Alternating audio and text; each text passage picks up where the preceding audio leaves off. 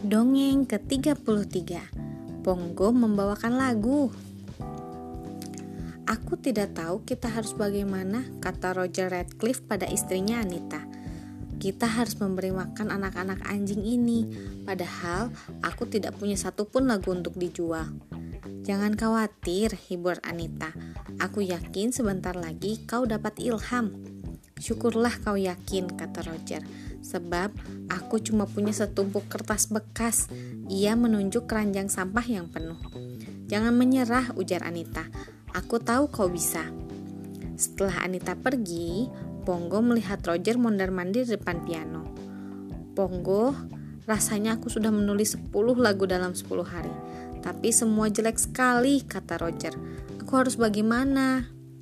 Pongo ingin membantu majikannya, namun tidak tahu caranya.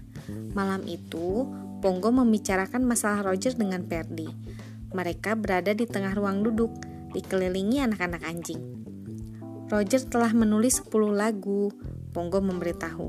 Tapi ia merasa lagu-lagu itu kurang bagus untuk dijual. Namun, aku tahu sebetulnya semuanya bagus. Aku sudah mendengar ia memainkannya. Dan kita tidak mungkin punya majikan penulis lagu tanpa jadi tahu lagu mana yang akan populer.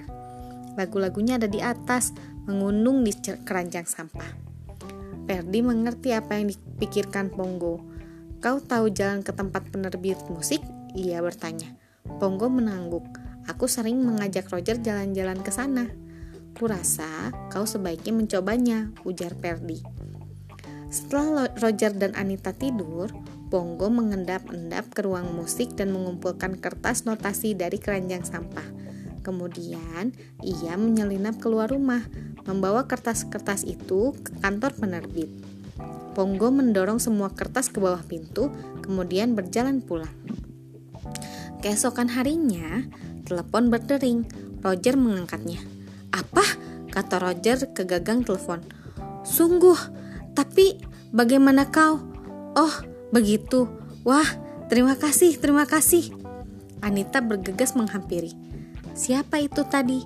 Penerbit musikku, jawab Roger. Iya, mau membeli 10 laguku. 10 lagu? Anita berseru. Kukira kau tidak punya satupun untuk dijual. Roger menggaruk-garuk kepala dengan bingung. Kukira juga begitu. Lalu, apa yang terjadi? Tanya Anita. Perdi memandang Pongo dan menggonggong senang. Suaminya juga bisa membawakan lagu-lagu ke tempat penerbit Roger di seberang kota. Sekian, terima kasih telah mendengarkan. Selamat malam.